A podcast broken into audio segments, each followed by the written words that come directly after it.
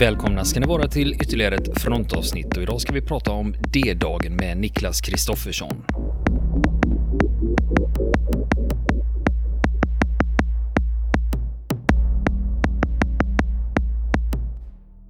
Bara det här du säger med, med mellanstriderna, sjukdomar. Eh, det är klart att det var ju inte rent, alltså det var skitigt, det vet vi som har gjort lumpen. Eh, problem med, med mat och mattillförsel och att det var kall mat och man... Sorg. Eh, för att man får inte glömma just i Normandie är ju, det här är ju då trupper som har tränat och övat tillsammans, ibland upp till flera år, i grupper och, och i plutoner. Och så helt plötsligt så dör eh, flera av dem eller sårats allvarligt och evakueras. Hur hanterar du det? Eh, du är ju inte ärrad soldat i Normandie när du tittar på framförallt den allierade sidan. Det var inte många som hade varit i strid tidigare. Mm. För det, den, den frågan dyker upp ibland när man då, jag läser ju eh, jag gillar ju den här tv-serien Generation Kill. Jag har även läst mm. boken då, mm. You're, Right.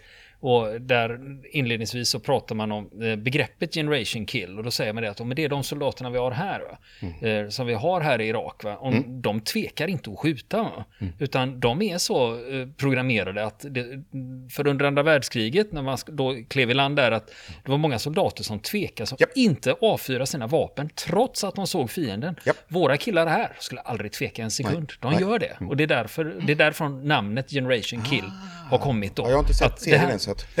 Nej, den är fantastiskt ja, bra. Och det handlar ju om den amerikanska invasionen av Irak ja. då, 2003. Ja. Där man får följa med eh, ett förband där. Mm. Och, det är, och det är ju based on a true story. För Ewan Wright var ju en... Eh, eller Evan Wright, eller Ewan Wright, jag kommer inte ihåg om det är W eller enkel-V. Men han var inbäddad reporter. Va? Ah, I så ett sånt? Ja, mm. så att han skrev ju, det skulle börja som en artikel i tidningen Rolling Stone. Ah. Men sen blev det ju en bok av det och sen mm. kom ju tv-serien då. Den är klart sevärd. Mm. Den är rolig också, för det finns en dråplighet i det här eh, i den serien också, men jag ska inte spoila den. Nej, utan nej, du får... nej. inte här och nu. utan ja, du ska, får titta på den, för den är, är, man, är man lite möpig så är den, så är den kul att titta på. titta ja, på men det var just det när man mm. pratar om tveksamheten, för ja. jag menar, när man då pratar om The Citizen Soldier, ja. det har du ju redan planterat det ordet, liksom att mm. här var det liksom bongrabbar som var mm. uppfödda på mm. mammas körsbärspaj och, eh, och liksom freedom democracy och eh, de här värderingarna och så ska ut och rädda världen. Och ändå så hamnar de, när det väl är skarpt läge. De har tränat för det här i mm. kanske två, tre mm. år mm. tillsammans med sina kompisar. Och sen när de väl ställs inför faktum så finns det en tvekan. Mm. Som tur var var det inte jättevanligt, men det är så pass vanligt att, att jag har träffat på det flera gånger. Alltså när jag läst böcker och läst om det. Eh, så du har helt rätt. Eh, och det är ju, då är vi nere i det mänskliga psykets verkliga innersta kärna. Eh, dels det rent moraliska, eh, liv och död, eh, avgörandet av det. Eh, men också just som du säger, du har ju ändå trots allt tränats i det här och har med all eh, säkerhet fått liksom ändå en relativt väl eh, förankrad förklaring varför du är där och ska skjuta en, en, en fiende. Eh, så att eh, ovanligt många som, som eh, hade den, det perspektivet. Eh, det var ju också mycket mer vanligare att, att man fick så att säga frossa, nerv, alltså nervfrossa. vad heter det? Käll, det heter, vad heter det? Nu heter det ju, eh, ah, förlåt. PTSD. Ja, precis ja. ja mm. precis. Vad heter det? Det heter granatchock, heter det. Förlåt. Mm.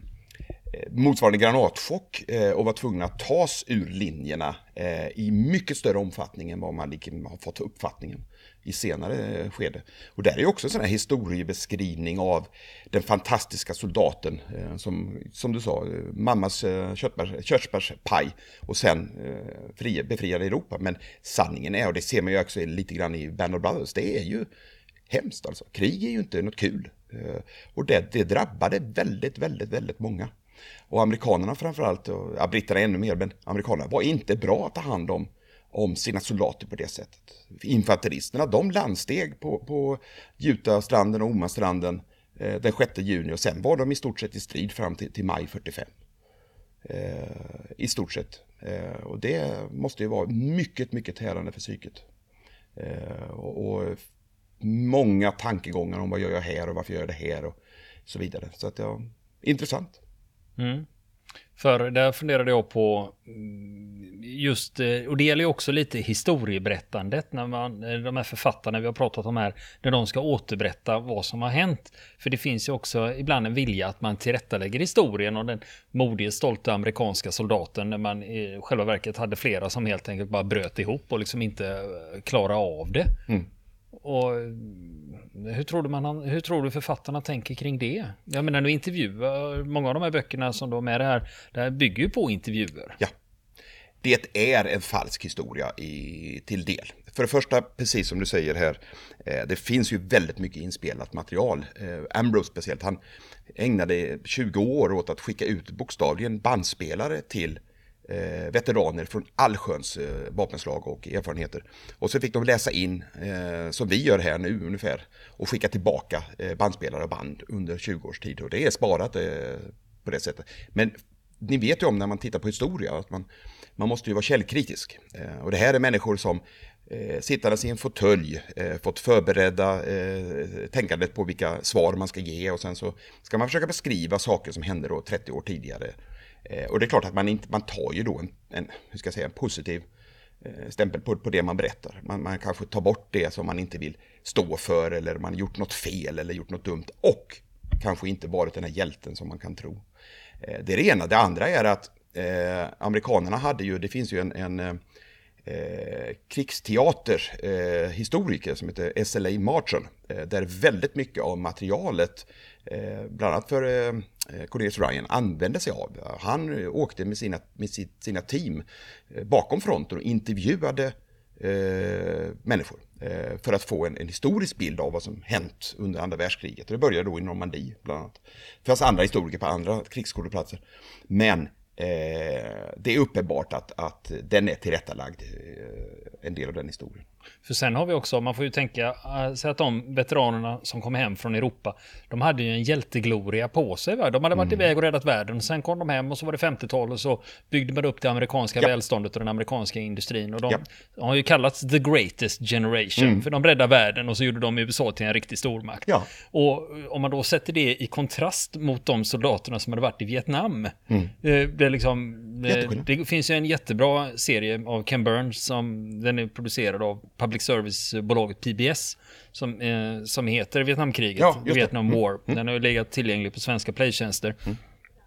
Och då Eh, där pratar de om eh, det när Vietnamveteranerna kommer hem, att många av dem pratar inte ens om att de hade varit i Vietnam, va? för det var så skambelagt, det ja. var tabu. Ja. Och bland annat är det en av dem som intervjuar, han säger så här att vi umgicks med en familj och du vet, vi hade ju känt dem i flera år när det kommer fram att eh, fan, pappan i familjen hade ju också varit i Vietnam, precis som mm. jag. Mm. Fast vi hade ju aldrig pratat om det, jag hade ju inga grejer framme eller liksom visa, Nej. utan det skulle bara grävas ner och döljas. Mm. Medan de, de veteranerna som kom tillbaka till USA från andra världskriget, mm. de hade ju en helt annan, det var liksom ticket tape parade och, ja. eh, och medaljer och, ja. och, och, grejer. Det var något att vara stolt över. Ja, visst är det så. Och ändå var det lite roligt för att efter paraderna så var det så att de hängde ju bort uniformen. Eh, och den hängde oftast där i 30 år för det var oerhört många som trots allt inte ville prata om det och inte av skamfullhet utan de hade varit med om hemskheter och det var ju inte förrän på 80-talet ofta barnbarn eh, finns det oerhört många exempel på som eh, liksom frågade morfar och farfar vad gjorde du i kriget? Och eh, där är det, har det sakta men säkert kommit fram när de här eh, soldaterna helt enkelt var pensionärer. Och nu är de ju för gamla i stort sett, men döpt bort de flesta tyvärr. Men eh, så är livet. Men eh, det är en stor skillnad. Det är en stor skillnad. Sen vet jag inte riktigt vad som eh, har hänt igen för att eh, även om det har varit mycket kritik mot krigen, till exempel Irak, du nämner Generation, Generation Kill, så är ju inte mottagandet av soldater och vördandet av deras tjänst som människor och individer helt annorlunda än vad Vietnam-veteranerna. Det borde det vara nu. Ja, ja, jo, men det finns ju en helt annan syn på det där med att uh, man, man, man, en veteran ska betraktas som något ärofyllt. Mm. Att du har varit ute och satt ditt liv på spel mm. för, för ditt land. Mm. Och för det ska du få cred. Va? Och det ja. är ju inte... Det är ju, jag, jag, vet min fru hon älskar att titta på Dr. Phil till exempel. Och där var det yeah. med en kille som var en veteran. Och då säger Dr. Phil, ja just det, du har varit veteran, thank you for service. Ja. Och, liksom, och publiken ställer sig upp och applåderar. Ja. Och liksom bara för att hedra honom. Jag ja. vet, han kan ju ha varit en jävla kabeltattare ja, i något till... underhållsförband. Men liksom bara det nu ska faktum... vi, nu, Jag som gjorde lumpen i, uh, i Hässleholm på underhållet, nu, nu får du... ja. Men det är just det att det är, liksom, det är inte det utan att han har bara varit där va? Och det, det, det är good enough va? Han har ställt, och jag menar det är fortfarande farligt bara att vistas i den typen av länder för de kan ju råka ut för precis vad som helst. Överallt. Mm. Så att, men det finns ändå en, ett, ett, ett förhållningssätt mm. till eh, veteranerna att det är några som eh, ska åtnjuta respekt. Va? Mm. Eh, oavsett, bara du, bara du har haft på dig uniform och varit iväg va? Ja. Så, så, är, så är du en veteran mm. och, och då får du vissa förmåner. Ibland får du rabatt på eh, jag vet jag var på ett amerikanskt museum och då mm. fick jag frågan när jag skulle gå in då, är du veteran? Mm. Och är du det? Inte i deras här, kontext. I'm a Swedish Cold War veteran. kan, kan, man svara då. Have you heard of T4 Hässleholm? ja, nej så att... Uh, nej, det är ofta... Uh, man har ett annat förhållningssätt till det, men man får inte glömma att USA är ett krigförande land. Ja, och varit det länge och mycket. Ja, mm. så att det gör att man har en helt annan aspekt på det här. Mm. Och sen också det här med frivillighet. Uh, mm. Att man har anslutit sig till de väpnade styrkorna. Ja. Och, och sen då eh, eventuellt har varit, varit iväg. Va? Så det mm. finns ju en annan syn på det. Ja. Om, om, vi nu ska tillbaka till D-dagen, för du, du, har ju en egen podcast som heter just D-dagen. Ja. Eh, där och där, den är ju också liksom i kronologisk ordning när man ja. då pratar om man börjar med planeringen och sådana här mm. saker. Och det här mm. är ju världens största amfibiska operation. Ja. Och när man då bara ska titta på planeringen, liksom, i vilken ände börjar man? För det här är ju ingenting som man kommer på dagen den 5 juni. Vad fan? Om vi sticker! Vi sticker. det, det, är ju inte ja, det är så ju, va? Det är, det är ju, ja det måste vara Eh, på något sätt krigshistoriens största eh, planering. Eh, hur jag än vrider och vänder på just i sin kraft av enorma eh, mängder eh, människor och materiell som, som måste ju säga, det är ju flera delar i det. Att du, du måste föra för över med båt och landstiga och sen gå vidare i krig. Eh, och jag brukar säga flera gånger i podden, det är inga datorer inblandade heller. Det är papper, penna och skrivmaskiner med, med förhoppningsvis någon form av karbonliknande kopieringsmöjligheter och så vidare. Det gjordes på, i en krigssituation eh, med, med allting som har med hemlighet och, och eh, sekretess att göra och så vidare. Det är helt fascinerande. Eh, nästan mer fascinerande än striderna. Men bara nästan. Ja, för jag tänker ju att om vi tänker oss hur, hur stort det är. Mm. Samtidigt som det finns ett hemlighetsmakeri mm. kring det. Mm. Och det, den balansen måste ju vara väldigt, väldigt svår. Ja, jag kan tänka mig det. Det, det är, och de hade ju eh, till och med liksom ehm, eh, extra eh, säkerhetsnivåer som gjorde att eh, eh, Bigot kallas det för. Alltså som, eh, eh, det, var, det var så extremt eh, högt säkerhetsklassificering och det var ju ändå det besluten fattades på den nivån. Sen skulle de ner till nästa nivå successivt och storleksmässigt, det var ju 100, ungefär 150 000 soldater på fartygen där utanför. Eh, som var ungefär lika många som var redan färdiga, alltså var beredda att hoppa på lastfartygen i England. Eh, 6 500 fartyg. Eh, minns inte faktiskt just nu hur många flygplan som var eh, engagerade, men det var ju det är så enorma mängder och det ska ju hänga ihop till syvende och sist. Det vet ju alla, som, vi som har barn, bara ett födelsedagskalas är ju halvt hopplöst. Att eh, projektleda ibland eh, med 25 eh, femåringar, då kan man ju tänka sig hur det är i den här biten. Och bara, det är fascinerande. Och de lyckades ju i mångt och mycket med det mesta av sina planeringar. Mm. För jag tänker just när man gör den här typen av planeringar så måste det också finnas en, en, en, en gräns någonstans. Att man förstår ju att okej, okay, när vi har så här mycket fartyg, så här mycket folk och så här mycket flygplan mm. som är insyltade. Eh, vi vet ju om att allting kan ju inte flyta på smärtfritt. Vi kan ju inte få en hundraprocentigt perfekt operation här. Nej. Och någonstans måste man ändå dra en gräns. Jag menar att om, bara, liksom, om, om, om vi lyckas med 60% av det vi mm. förutsätter mm. oss mm. Så, så finns det viss utsikt att vi ska lyckas. Någonstans måste man ju kunna göra någon form av eh, gradering. Ja. Att hur mycket behöver funka för att vi ska Nej. lyckas. Problemet var ju att på Utah Beach, eller Utah-stranden, då fungerar det till ja, 90-95% skulle jag kunna säga. Ja, ta en siffra Eh, man kan alltid diskutera de sista procentenheterna där. Och eh, på Omastranden var det till kanske 20-25 procent. Eh, och där kunde ju saker och ting ha, ha hänt bara för att en del inte lyckades alls. För planeringen byggde ju på att slå många hål i den tyska Atlantvallen. Och där, där undrar jag hur man hade tänkt just för det fanns ingen alternativplan. Det var inte så att oj, nu, nu, nu hände det här, nu, då går vi till plan B. Vilket man egentligen i modern krigsföring är mycket bättre på. Här var allt eller inte, inget. och det kanske är då att man avslöjar för mycket redan, men det gick ju bra ändå till slut på Omastranden. Det var nog ingen spoiler. nej, det var ingen spoiler, nej, nej precis. Det ja. var som någon uttryckte det vid något tillfälle, det var några år sedan, så du som har läst så många böcker om D-dagar, eh, Börjar du inte snart förstå vad som har hänt? Hur det gick? jo, jo, Berätta det... inte. Ah, nej, nej, nej. ja. eh, och då handlar det ju om istället, eh, för planeringen i all ära. Eh, eh, Eisenhower var ju så att planning is everything, plans are nothing. Alltså planerna kan du egentligen kasta när du väl sätter igång med dem. För det händer ju saker i krig hela tiden. Då handlar det om planeringen. Är det duktiga människor som förstår att, att ta rätt sorts initiativ i rätt tillfälle? Där var ju tyskarna, eh, deras stridsdoktrin var ju, var ju outstanding. Det eh, var ju inte förrän ett halvår senare amerikanerna började lära sig den eh, bättre. Eh, engelsmännen lärde sig ju aldrig det under andra världskriget. Det var ju orderkedjor. För att inte tala om ryssarna, det var ju liksom strikta orderkedjor. Eh, men det är ju intressant eh, när man tänker på hur mycket förstod man att det kunde gå åt skogen i vissa delar? Jag har inte tänkt på den frågan på det sättet. Det är intressant. Nej, för någonstans finns det ju att eh, för att någonting ska bli framgångsrikt, till exempel, säg så här, säg att du jobbar med marknadsföring och du ska mm. göra en kampanj mm. och man säger så här att jo, men vi vet om att vi lyckas eh, om vi har sålt 20 000 tandborstar av det här mm. märket. Va? Ja. Då kan du ju mäta liksom ja. när vad det, vad det är, liksom att man kanske gör, okej, okay, men man, man graderar liksom utfallet ja. på något ja. sätt. Att ja. men om det här funkar då kanske vi uppnår det här. Om det här funkar kanske mm. vi uppnår det här. Va? Mm. Och det är också de här, liksom, det här är ju te väldigt teoretiskt. Va? Mm. Va, va, när man då förutsätter det här att nu, nu ska vi skicka över några hundratusen gubbar här och så. Mm. Eh, för det var inte så att man skickade över dem och bara hoppas det funkar. Nej, liksom. lycka till. Nej, nej, det, så är det. Men sen, sen är det ju så här att eh, du kan ju inte planera för alla eventualiteter. Eh,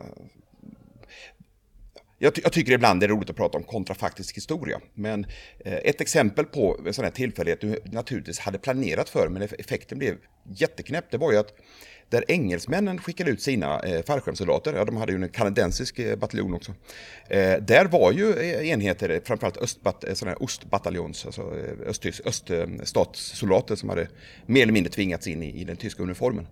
Eh, de var ju ute på övning, eh, ett kompani där, och hade kunnat orsaka väldigt mycket skada för de britterna. Eh, med tanke på att det var som kaos vid, land, vid landningsplatserna. Men det visade sig att de hade skickats ut med övningsvapen med träkulor i. Eh, så de kunde inte göra någonting. Men då hade du ju planerat från allierades sida att här fanns ett kompani förlagt. Eh, naturligtvis. Eh, och då hade de ju planerat för att en bataljon landade och skickade till ett kompani för att slå ut det andra kompaniet. För det visste ju, de allierade hade ju fullt koll på vad som hände på den tyska sidan. Eh, och istället så kunde de allierade helt plötsligt bara samla en halv platt, eller pluton. För att de var spridda för vinden, bokstavligen.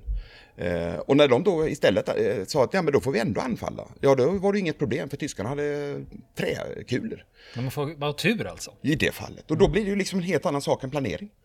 Naturligtvis. Mm. Eh, vi har ju eh, överstelöjtnant Otway eh, som var brittisk fallskärmssoldat, eh, fallskärmsjägare. De skulle ju ta eh, ett batteri där och då, då, var det en bataljon egentligen som skulle anfalla det här batteriet. Och det slutade med att de var ju inte ens ett kompani och ändå anföll. Och det är klart att då är ju planering, eh, allting som kunde planeras där eh, hade gått åt skogen. Men de lyckades ändå, för de, de gjorde ju det de blivit utbildade till att göra. Eh, och de visste väl förhoppningsvis att planeringen går inte att gå för långt. Mm. Men då måste man ju lita på sina underordnade och soldaterna. Mm. Och soldaterna måste vara motiverade att göra just detta. Mm. Att inte sitta och vänta. Ja. Men om vi då tittar på planeringen. Eh, mm. Just när vi tittar på, man har ju ändå fått in underrättelser. Man har ju ändå mm. spaningsflyg och man har kontakter ja. med franska motståndsrörelsen. Ja. Ja. Så man Avlyssningen ska vi inte glömma. Eh, de lyssnar ju av alla radio. Ja, mm. så man hade ju ändå ett underlag att utgå ifrån. Mm. Men då får man också bedöma tillförlitligheten i de här uppgifterna. Ja, Eh, eh, två saker jag kan säga om det. Det ena är, eh, du var ju tvungen att bekräfta det från flera håll naturligtvis. Och eh, I det fallet är det ju eh, spaningsplan till exempel. Det är kanske det viktigaste, för det är ändå fotografier. Tyskarna var ju inte riktigt så duktiga som engelsmännen med att luras med, med falska eh, hela arméer. De hade ju en fejkad armé där i sydöstra England, eh, engelsmännen. Eh, så det är klart, det, det måste du göra. Eh, sen är det ju så här att, att all information kommer ju inte fram. Det händer ju saker Eh, i eh, slutet eh, där tyska gjorde ett antal omgrupperingar. Bland annat så förväntade de sig inte att en, en tysk division de trodde skulle finnas vid Saint-Glö var ju i Normandie i stora delar, har varit där i flera veckor eller till och med några månader. Så det var en överraskning för dem när de kom till Omastranden. Eller så som jag trodde, för att det har skrivits i alla böcker, inklusive Ambrose D-Day-bok, att de blev överraskade. Det visade sig att nej, de blev inte alls överraskade. Det var bara det att de hade inte velat ändra på planen. Och förklara för alla trupper ner till minsta infanterist som skulle rusa land där på Omanstranden att det kanske kan, eh, finns inte bara det finns inte bara en statisk division där, utan det finns även en fältdivision på plats. För det påverkar ju egentligen inte de här soldaternas eh, hantering av situationen när väl anfallet kom. Så att eh, allt visste de inte, men de visste väldigt mycket ska jag säga. Mm. Men om du skulle försöka gradera de här, om man pratar om underrättelsemissar, mm. eh, vad man liksom trodde, men som det inte visade sig vara när man väl var på plats. Jag tänker på sådana här saker som Point to Hock, att det fanns ja. ju inga kanoner. Nej, det fanns inga kanoner. Ja. Och det var, överhuvudtaget så är just den, det anfallet kan man alltid diskutera, för det, det är helt fascinerande över att det är ett av de främsta anfallen, främst mest lyckade eh, anfallen man ser till individuella och, och eh, små enheters eh, insatser. Eh, men rent taktiskt och strategiskt var det helt meningslöst. Inte nog med att inte kanonerna fanns där. Eh, även om de hade funnits där så hade de troligtvis inte kunnat göra den här skadan som man hade trott. Så det var ju ja, lite överraskande, framförallt för de här marin... Nej, förlåt, eh, Rangers. Rangers eh, som kommer klättra upp där på, på den här klippan. Så, och det finns ju flera sådana mer eller mindre exempel. Men till syvende och sist eh, så hade de allierade en fantastisk kontroll om, om eh, läget i Normandie. Eh, eh, underrättelseläget. De visste ner till, till nästan soldater var, vem, vem det var, vilka förband det var och hade pusslat ihop det under lång tid. Eh, sen var de ju helt fantastiska med att bygga modeller. Eh, papier-maché-modeller och, och sandtavlor, sandtables heter sandbord. Så de byggde upp eh, anfallssituationen eh, på marken för eh, enskilda plutoner och kompanier.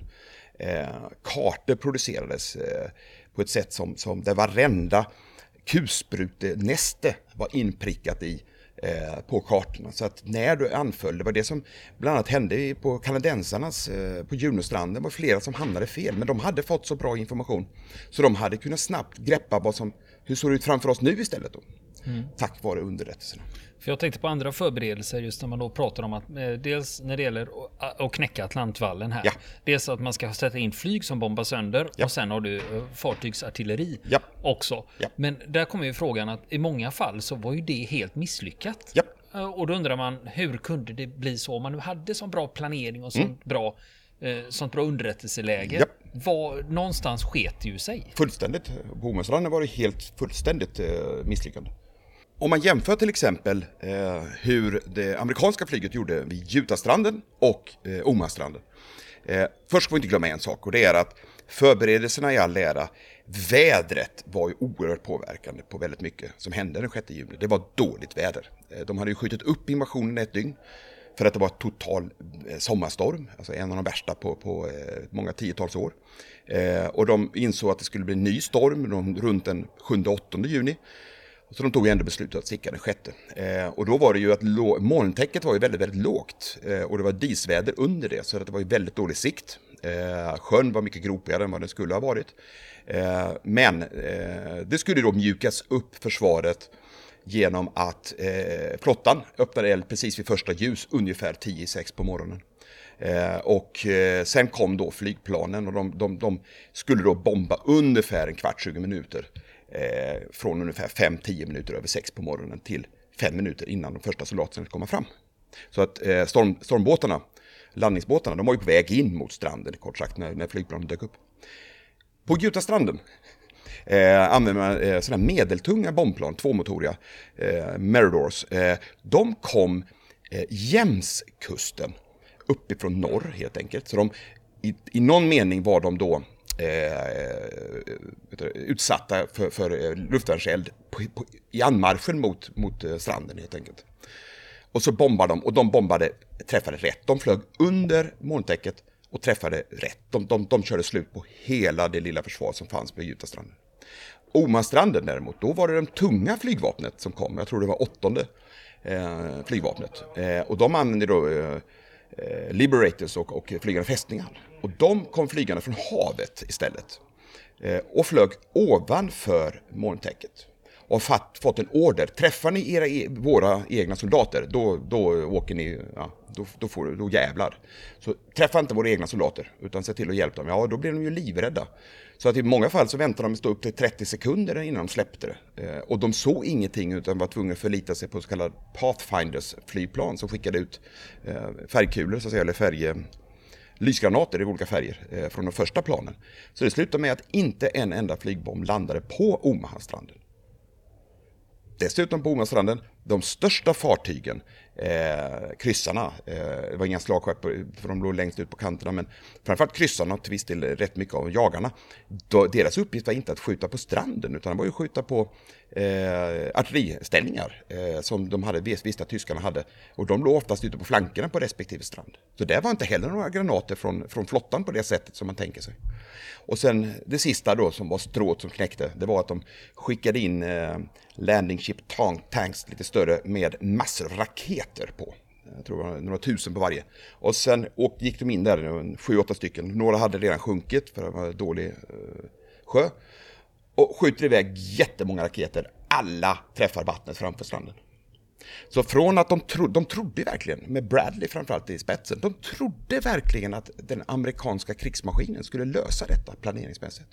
Sen skulle de bara gå förbi.